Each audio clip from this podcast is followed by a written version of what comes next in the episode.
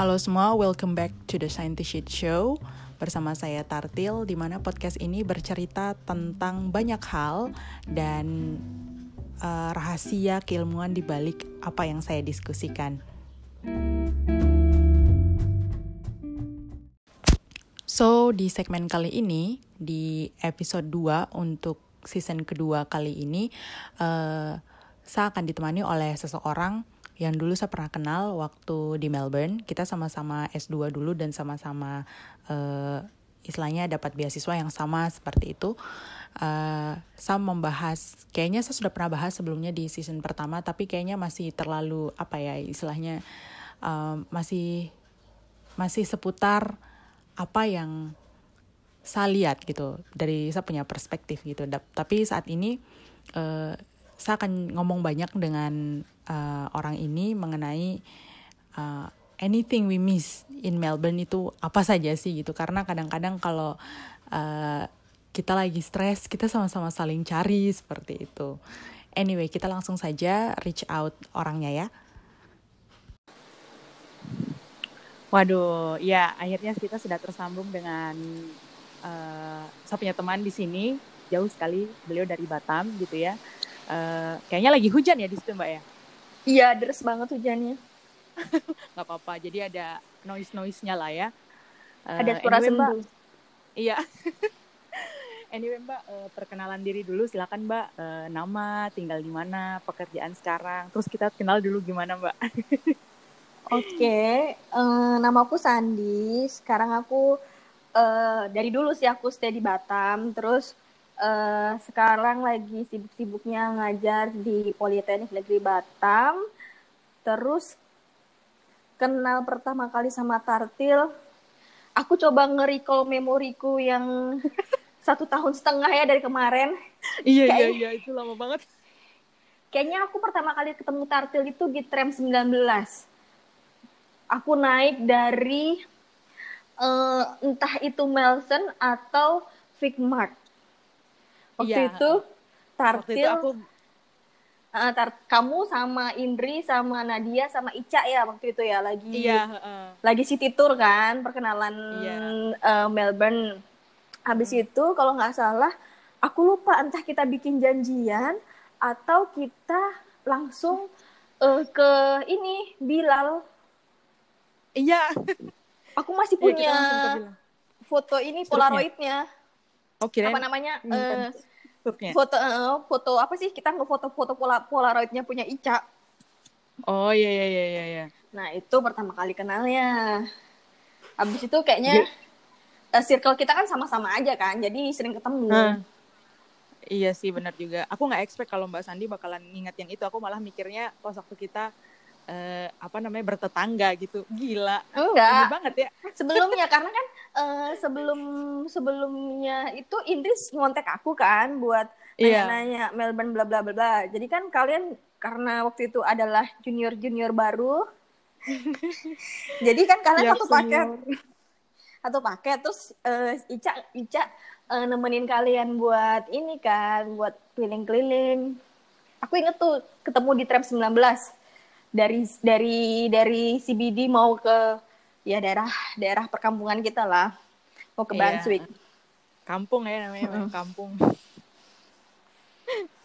Ya yeah, anyway uh, jadi di podcast ini mbak kita uh, bakalan ngomong banyak santai aja sih casual aja gitu tentang apa yang kita rindukan dari Melbourne gitu kan. Kalau mbak kan udah hampir satu ini masuk istilahnya semester ketiga udah meninggalkan Melbourne gitu ya karena dari pertengahan tahun 2019 eh, kan ya ininya baru kayak uh -uh, sedangkan aku ini baru kayak enam bulanan gitu gitu sekitar enam uh -uh. bulan gitu. tapi kayaknya masih terngiang-ngiang gitu loh apa aja gitu yang maksudnya gimana ya kayak sebelum tidur gitu gila sih ini sebelum tidur ngapain aja di Melbourne kayak gitu gitu kira-kira mbak apa yang mbak rindukan di Melbourne aku tuh uh, uh, sampai saat ini masih suka nggak expect bahwa aku tuh pernah uh, pernah lo aku tinggal di Melbourne hampir dua tahun ya kalau dihitung-hitung ya kurang lebih ya. hmm. ya dan saking itu kota bikin aku jatuh cinta bahkan aku ketika ngidam pertama-tama itu aku udah udah searching tiket Singapura Melbourne Saking, itu kapan, Mbak? Itu sekitar akhir tahun kemarin. Saking aku, saking aku tuh jatuh cinta yang sama kotanya yang uh, menurut aku ya, yang uh, kita bisa menjadi diri kita sendiri dengan segala macam uh, orang yang memanusiakan manusia di luar dari apa pun uh, culture-nya, apa pun agamanya, we don't care about benar, that, benar. ya kan? Tapi kita memanusiakan ya, manusia sebagai manusia. Nah itu kayak aku, aku pengen balik lagi ke sana. Aku sampai udah nyari tiket udah ngeliat tiket PP segala macem. Saking aku tuh kangennya sama Melbourne. Ya ampun. Ya aku juga sih. Aku tuh lebih kayak uh, apa ya suasana sih lebih kayak ke apa ambience gitu gitu. Aku tuh lebih banyak kayak berkontemplasi aja di situ. Karena nggak tahu sih ya kalau di Indonesia mungkin uh, kesempatan untuk jalan kaki ngelihat apa namanya hal-hal yang istilahnya indah dipandang mata gitu ya. Baik itu kayak transportasinya orang-orang yang lagi jogging dan lain sebagainya itu kayak gimana itu refreshing gitu loh mbak. Jadi kadang nggak jarang. Aku nggak tahu sih kalau mbak Sandi gimana. Aku tuh kadang suka aneh gitu. Kadang jalan dari kampus sampai pulang ke rumah itu bisa sampai satu setengah jam. Hanya ngeliatin jalan doang gitu loh. Dan maksudnya ya seru aja gitu loh mbak. Karena kalau di Indonesia kan ya gimana coba mau jalan kaki gitu kan. Semua udah udah bawa kendaraan sendiri. Bahkan motor pun bisa seenaknya lewat ini kan. Apa namanya? Kayak pedestrian road gitu. Jadi kita yang kayak mengalah gitu loh mbak. Kamu jalan kaki kamu jalan kaki di Indonesia dikira nggak bisa bayar ongkos ojek? Itulah makanya aku tuh langsung kayak aduh males banget gitu. Padahal aku juga kemarin tuh uh, bawa motor gini banget ya gitu. Maksudnya serame ini gitu pas waktu balik dari Melbourne terus bawa motor. Waduh apalagi di Jayapura gitu kan. Anyway mbak uh, di sana mbak belajar apa ya aku tuh aku taunya multimedia gitu-gitu apa sih mbak mbak belajar apa media uh, di bawahnya media and communication and media tapi lebih spesifik ke media in general Terus uh, lebih banyak kita uh, eksplorasi di filmmaking sih. Tapi filmmaking yang bukan um, yang advance gitu. Filmmaking ya standar filmmaking ke dokumenter oh. kayak gitu-gitu. Oh. Oh gitu-gitu. Berarti yang kayak kayak uh, apa ya kalau di YouTube itu ini nggak tahu nih aku nih dari pandangan orang awam aja nih uh, apa kayak sexy killer gitu-gitu ya? Um, bisa tapi itu kan uh, udah udah maksudnya itu kan industri yang benar-benar udah ke industri kan kalau kita kan masih hmm. kontennya akademis jadi kita uh, lebih oh. kepada apa sih ketika kita uh, eksperimen atau kita turun ke lapangan kita lebih hmm. banyak um, setelah proses selesai kita lebih banyak refleksi apa yang jalan sesuai dengan uh, planning apa yang enggak dan kenapa apa yang kamu dapatkan lebih kepada kayak gitu sih Wah, berarti lebih bukan lebih sih kayak cocok banget dong buat orang-orang yang mau uh, apa namanya kayak drama musikal kayak gitu-gitu ya. Enggak ya? Hmm, itu lebih ke teater sih. Oh, lebih ke teater. Uh -uh. Tapi intinya sih uh, kalau di S2 tuh kan kita lebih banyak ke teoritis ya. Iya. Uh, ketika kita ada satu case, kita cari uh, backgroundnya apa, kemudian kita analisa, kita implementasikan mana yang berhasil atau yang enggak itu lebih kepada itu sih iya iya iya iya enjoy nggak sih mbak belajar di eh belajar itu di kampus mbak waktu itu semester enjoy pertama ya. gila aku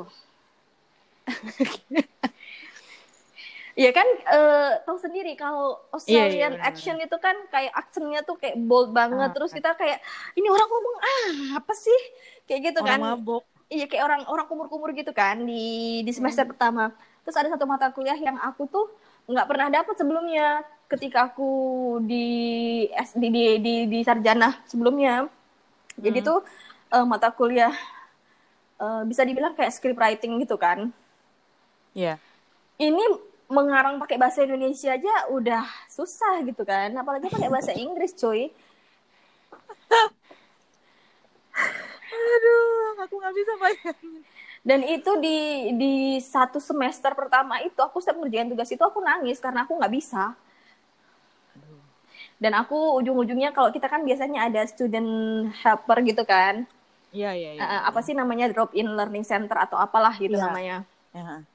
Jadi aku ke sana lah aku minta bantuin mereka bukan bukan bantuin sih sebenarnya mereka tuh uh, mengarahkan kita kita harus ngapain gitu kan tapi kalau ngebantuin hmm. mereka kayak satu tambah satu sama dengan dua ngajarin caranya gimana itu nggak nggak exactly kayak gitu kan cuma ngasih tahu ya, kamu benar. harus baca ini uh, lihat ini dan sebagainya ya sampai akhirnya uh, di akhir semester itu yang kalau kita di Indonesia tuh kita selalu berekspektasi kalau kita itu ngerjain tugas selalu dapat nilai tinggi, ya kan? Iya, benar. Tapi once you go abroad, never expect Duh. that. Right? Aduh, die, die, die. Die. Dan aku udah udah dirimen sama beberapa orang jangan pernah berekspektasi bahwa kamu akan dapat nilai tinggi kamu kuliah di luar negeri. Tapi aku masih men-setkan itu dalam mindsetku bahwa aku akan dapat nilai tinggi. Begitu tugas yeah. pertama keluar nilainya, boom, mantap. Ambiar. Semua orang ambiar waktu itu. Semua mahasiswa baru ambiar. Udah syukur-syukur dapat pas gitu kan. Lewat dari fail kan. Udah alhamdulillah, hmm. Bu. Iya, itu udah alhamdulillah banget gitu. Aku juga dulu per, gimana ya per, pengalaman pertama pas waktu ngerjain tugas di semester pertama itu kaget juga, Mbak, karena gimana ya? Seolah-olah tema yang diberikan itu kayak gampang gitu loh. Terus tau nggak apa yang aku lakukan? Aku tuh malah buat draft bahasa Indonesianya, terus aku baca lagi kayak nggak make sense gitu di diartiin bahasa Inggris gitu. Terus akhirnya itu pun yang draft bahasa Indonesia udah aku bikin berhari-hari gitu kan dan akhirnya ya udah aku buang terus aku mikir lagi dan mikir untuk ke bahasa Inggris itu kayak lebih lama ada tapi tapi lebih logis gitu loh mbak. Nggak sembarangan jadinya gitu. Kalau aku nggak pernah ya aku ngerjain tugas pakai bahasa Indonesia karena aku sudah tahu bahwa it takes time. Itu pertama kali sih itu pertama kali. Aku dari pertama, pertama kali, kali ngerjain tugas tuh ya ampun. Aku dari pertama memang nggak pernah buat bahasa Indonesia-nya karena aku tahu bakal text hmm. time kan. Jadi aku bikin selalu pakai bahasa Inggris bodoh amat lah grammarnya mau kayak apa bodoh amat. Hmm. toh kita Terus, juga Hmm. kita ada kan kayak grammar helper juga kan, uh, yeah. gitu. Ya walaupun ujung-ujungnya useless juga ya. I iya. Akhirnya harus harus apa yang cek orang gitu loh manusia bukan mesin gitu bukan aplikasi ada aplikasi mah enggak kalau di kampusku itu ada ser ada servisnya jadi oh, ada ada, oh, ada yang drop ini ya yang kayak drop drop in uh, itu ya drop in uh, sorry library gitu ya uh, di drop in learning iya. center. Yeah. cuman itu kan uh, international studentsnya banyak banget. Ya kan? Terus kita harus yeah. inline kan?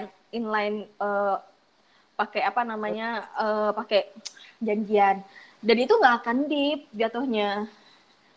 Ada waktunya nggak sih per person gitu mbak? Kayak ada menit ada. gitu? jadi aku tuh terakhir aku kapok ke sana uh, aku tuh memang benar-benar aku tuh trauma jadinya uh, karena kan kita ke sana kita expect bahwa kita um, dapat dapat bantuan. Mm-hmm. ya kan? Uh, waktu itu uh, aku ingat banget tuh yang terakhir ngecekin aku dia bilang kayak gini uh, kamu tahu nggak? Aku itu sarjana aku tuh lulusan waduh ini lulusan suaranya putus-putus nih aduh. Masa? Halo? Jaringan nih memang. Halo? Udah, Halo, udah jelas belum? Mbak Sandi Udah jelas udah, belum? Udah, udah, udah, udah, udah, udah. Jadi itu dia bilang kayak gini, kamu tahu nggak aku punya gelar akademik tiga. Dia bilang gitu kan. Uh, pokoknya yang intinya di drop in library itu. Uh, uh, intinya gelar akademiknya itu related sama writing bla bla bla gitu kan. Terus uh, kamu nyuruh aku buat meriksa grammarmu, dia bilang kayak gitu kan. Hmm. Aku punya gelar akademik tiga loh. Dia ngomong kayak gitu sama aku kan. Terus aku diem aja. Hmm. Terus dalam hatiku Iya karena kau punya gelar akademik tiga, makanya kau dipekerjakan di sini untuk bantu kami ngecek grammar lah. Terus ngapain kami ke sini? Aku nggak pernah experience ini sih orang yang di drop in library untuk uh, untuk drop in di library itu untuk kayak maksudnya dia ngomong kayak gitu sama kita gitu nggak pernah. Karena memang banyak juga library-nya, jadi aku bisa kayak milih terserah di library mana. Tapi memang jatahnya satu orang kayak 30 menit gitu tapi aku cuma pakai servis itu cuma sekali. Dan aku tuh ngelihat patternnya gitu kan. Dia tuh kayak ini kayak gini gini gini gini. Oh aku pelajari gitu. Soalnya kalau datang ke sana kayak text time gitu loh mbak. Terus aku tuh banyak tugas gitu kan. Eh akhirnya ya mau nggak mau akhirnya terbiasa gitu. Terus walaupun memang hasilnya nggak sempurna, iya. banget sih. Hmm. Jatuhnya kita sebenarnya kita cuma cuman mau uh, pengen uh, pengen secara grammatical kan, bukan secara yeah, konten. Kalau konten mah uh, hmm. mereka belum tentu tahu konten apa yang kita kerjain karena kan hmm. mereka general knowledge-nya kan. Terus yeah, benar-benar. Terus aku keselnya apa? Aku bayar mahal loh itu. Bukannya bayar 100 200 satu semester di sana gitu kan iya yeah. nggak usah dimention. Kayaknya satu mata kuliah ya kita bayarnya ya. Uh, mata kuliah. Iya. Mahal kan bayarnya kan international Jadi, student. Uh -uh. Eh, itu ujung-ujungnya aku uh, pakai Grammarly terus uh, aku minta bantuan temanku yang memang orang sana untuk ngecekin grammar. Karena kan kalau kita lagi ngerjain tugas itu uh, apalagi kalau udah udah ribuan kata tuh kita kan kadang udah nggak nggak sensitif lagi dengan kalimat kan iya benar benar. Gitu. Aku juga sih kayak gitu. Bahkan yang ingetin tuh ini si dosennya dia bilang kayak gini you've paid a lot to study in this university. So lakukan kata gitu. Maksimalkan gitu. Oke okay, baik iya. Karena kita bayar banyak mahal. Berapa kali lipat ya? Iya. tiga atau empat kali lipat ya dibandingin anak lokal ya? Uh, empat kali lipat kayak empat kali lipat. tiga sampai empat kali lipat lah tiga sampai empat lah mm -mm. Mm -mm. pokoknya hampir ya banyak lah bisa beli rumah dua kali kalau balik Indonesia kalau ditotalin satu eh, dua tahun kuliah itu bisa beli ini di Pondok Indah kita anyway mbak uh, mengenai background studinya mbak kira-kira ada satu hal nggak yang maksudnya kayak satu studi yang I don't know catch your attention gitu yang kira-kira yang ngebuat Mbak tuh kayak ah ini nih harus diterapin nih di Indonesia itu apa Mbak kira-kira? Uh, aku tuh amazed uh, amazed sama artsnya orang sana ya.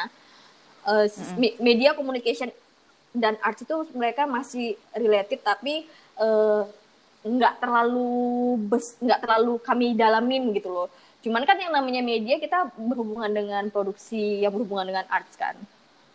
Yang bikin aku emes sampai sekarang itu kadang kalau misalnya kita lagi nonton film aku suka nggak ngerti kok bisa ya orang ini dapat inspirasi buat yang abstrak kayak gitu dan itu diapresiat oleh orang banyak.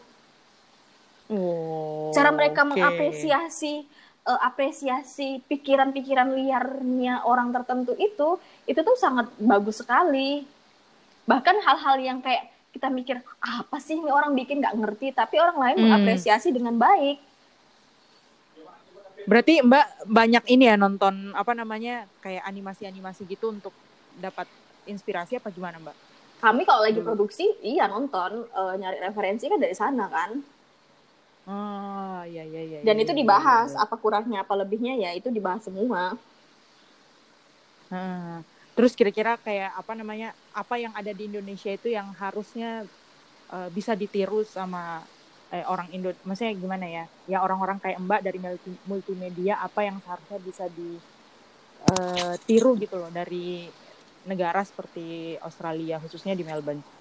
Jangan kaku sih intinya dan uh, um, mengapresiasi yang orang buat itu di atas segalanya mau itu bagus mau jelek ya tahap pertama yang kita lakukan adalah mengapresiasi kemudian nanti hmm. setelah kita apresiasi kita diskusikan bahwa si karya ini plusnya di mana minusnya di mana tapi tahap pertama adalah how uh, to appreciate others produk gitu kan okay. yeah, karena kita iya, selama iya. ini yeah, yeah, yeah. selama ini kalau ngelihat segala sesuatu alah cuman gitu doang gampang iya sih iya sih benar juga benar juga ya itu itu penyakit penyakit hmm uh, semua orang sih saat ini. Iya gampang tapi how to get the idea it's not easy. Exactly, my man. Iya kan? Exactly. Yeah, yeah. You're right. You're right. You're right. Yeah, no no one thinks about that anyway. Iya, sesimpel kayak kamu bikin apa sih? Ya, sesimpel podcast lah.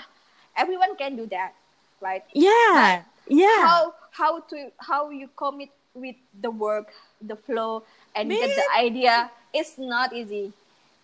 Oh my right. god. Itu yang itu yang gue pikirin dari dulu mbak. Maksudnya kayak okay okay now I get it. Oke okay, thank you. Iya kan? emang, komitmen. eh, emang mantap nih ngomong sama mbak nih. Komitmenmu untuk tetap berprogres yeah, itu nggak gampang. Yes exactly. Ya yeah, ya yeah, ya yeah, ya yeah, thank you loh ya thank you loh ya mbak. Aku bener-bener dapat insight banget ini. Aku kemarin uh, kepikiran gitu apa aku stop aja ya? Aku agak hilarious gitu loh kalau nyampein podcast.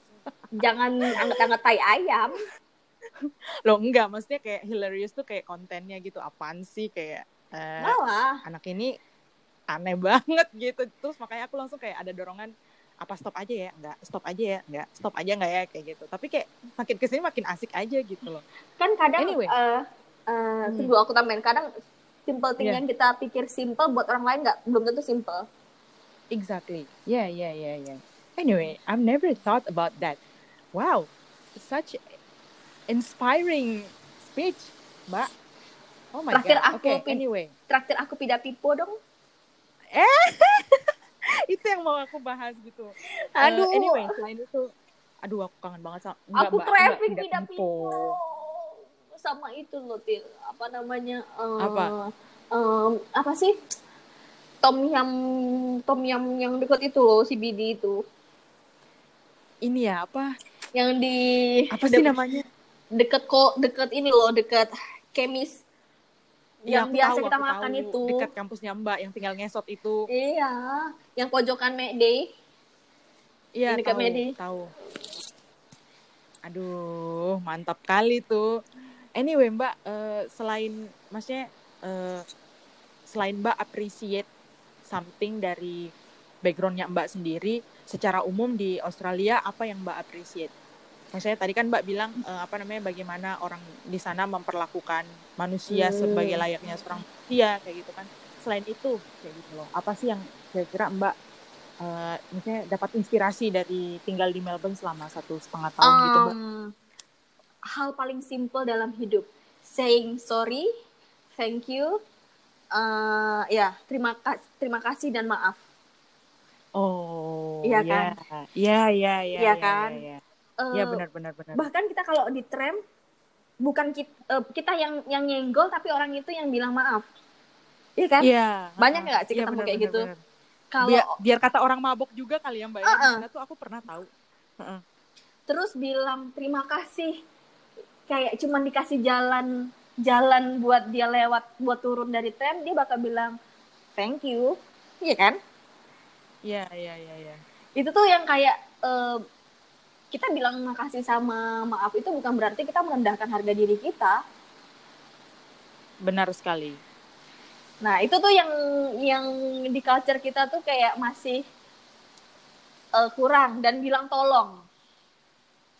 Ya, ya, ya, ya, banget. Mm -mm. Tiga hal yang simple tapi kita masih suka kadang gengsi bilang tolong, makasih, maaf. Itu tuh yang bahkan mereka white people loh yang kita tahu katanya stereotipnya mereka uh, liar rasis, ya? rasis segala macam ya di luar dari rasis dan segala macam maksudnya secara behave-nya tuh kayaknya katanya orang tidak lebih timur dibandingkan kita yang timur gitu kan Iya iya iya. Ya. Tapi nyatanya mereka lebih lebih lebih gampang bilang makasih, maaf, tolong dan sebagainya. Bener itu kan seperti kayak general rule lah ya kita iya. bersosialisasi gitu dan mm -hmm. itu juga efeknya ini loh maksudnya tiga kata mujarab itu benar-benar kayak gimana ya aku tuh pernah baca di sebuah buku mungkin mbak juga familiar karena mbak di apa namanya dunia kerja ya kalau misalnya itu diterapkan dalam sebuah lingkungan kerja itu tuh bisa kayak uh, meningkatkan produktivitas kerja di lingkungan kerja itu gitu. Jadi kata-kata itu tuh bisa gimana ya bisa mempercepat atau mengakselerasi tujuan dari sebuah perusahaan istilahnya kayak gitu. Benar, ya, that's right gitu. Itu kan nggak, nggak cuma uh, lanjut lanjut lanjut. Itu nggak kayak apa namanya? Maksudnya nggak cuma diaplikasikan di dunia kerja aja, tapi maksudnya ya di lingkungan keluarga, masyarakat juga gitu. Karena dengan dengan three magic words itu tuh bisa kayak gimana ya? Ya menjal gimana ya hubungan kita dengan orang lain itu semakin baik lah kayak gitu. Dan tujuan-tujuan kita bersama di dalam lingkungan masyarakat tuh kayak bisa tercapai intinya kayak gitu sih. Itu kan jatuh, jatuhnya positive vibes ya.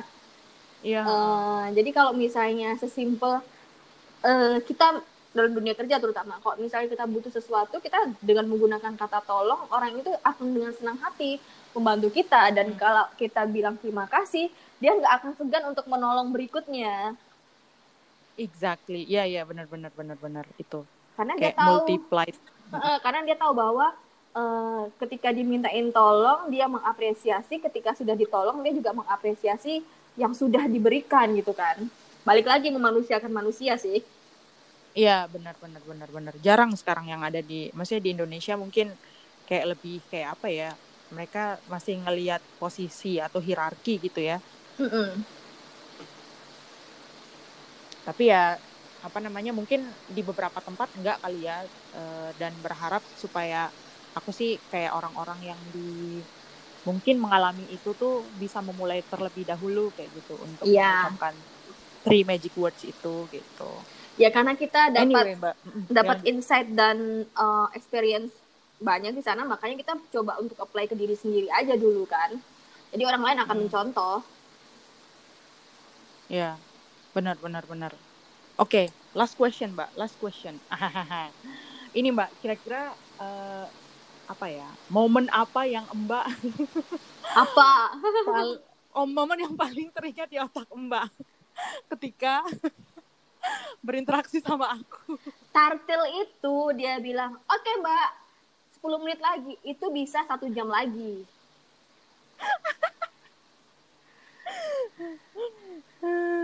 Ya selain itu lah mbak, selain itu, selain itu.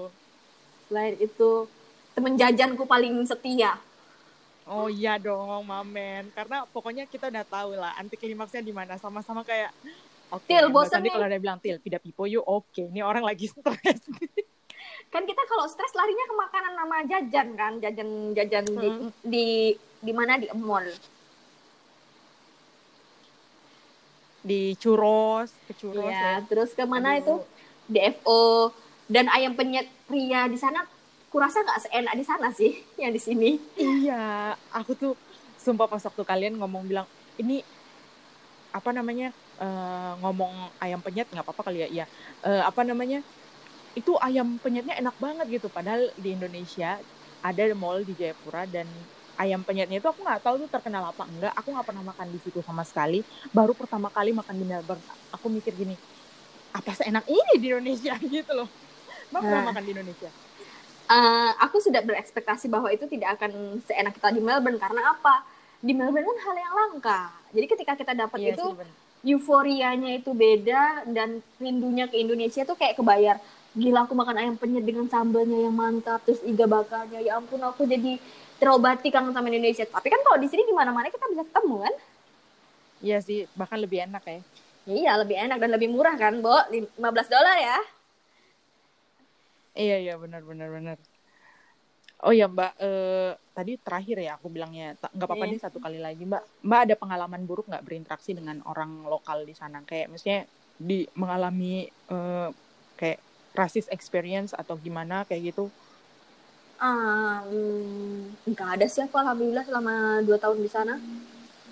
Atau kayak apa namanya secara nggak langsung di underestimate oleh teman gitu? Hmm, nggak nggak nggak nggak sih. Aku nggak nggak dapet yang kayak ya? gitu-gitu. Bahkan dosenku pun um, mereka sadar bahwa international student bahasa pertamanya bukan bahasa Inggris, jadi mereka kayak encourage kita untuk uh, you don't need to afraid about your writing something like that just write hmm. whatever you want to write yang penting kamu mengerjakan tugas masalah grammar itu ya karena kamu bukan uh, bahasa Inggris bukan first languagemu ya udah gitu. Hmm. tapi bukan berarti kamu ngasal juga ngumpulinnya gitu. Ya benar benar benar benar nggak sih aku nggak ada selama ini. Cuman kalau misalnya ya? teman kos mantan teman kosku mungkin ada beberapa orang. Iya sih orang lain kayak orang orang orang lain itu hmm. malah banyak mengalami itu gitu. Dan alhamdulillah aku juga nggak pernah uh, mengalami itu gitu. Bahkan ada yang sampai di apa kayak di sumpah-sumpah gitu karena dia pakai jilbab gitu kan masuk tram gitu gitu. Aku mm, ada. dengarnya tuh kayak langsung ya Allah alhamdulillah aku tuh nggak oh ya aku aku nggak aku ada ada ada satu nggak nggak bad eh, nggak nggak terlalu signifikan sih cuman aku masih inget itu ini uh, menurut aku itu kayak uh, hal yang memalukan buat buat kita sih sebagai seorang muslim. Uh, waktu itu aku lagi makan di ini di food courtnya Melson hmm. yang di atas itu yang make di atas. Terus uh, ada nenek-nenek pakai jilbab tapi jilbab yang model you know lah til.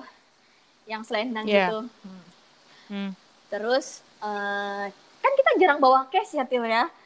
Cashless ya kita ya? Iya yeah, benar-benar paling di dompet tuh cash tuh berapa sih? Recehan doang kan?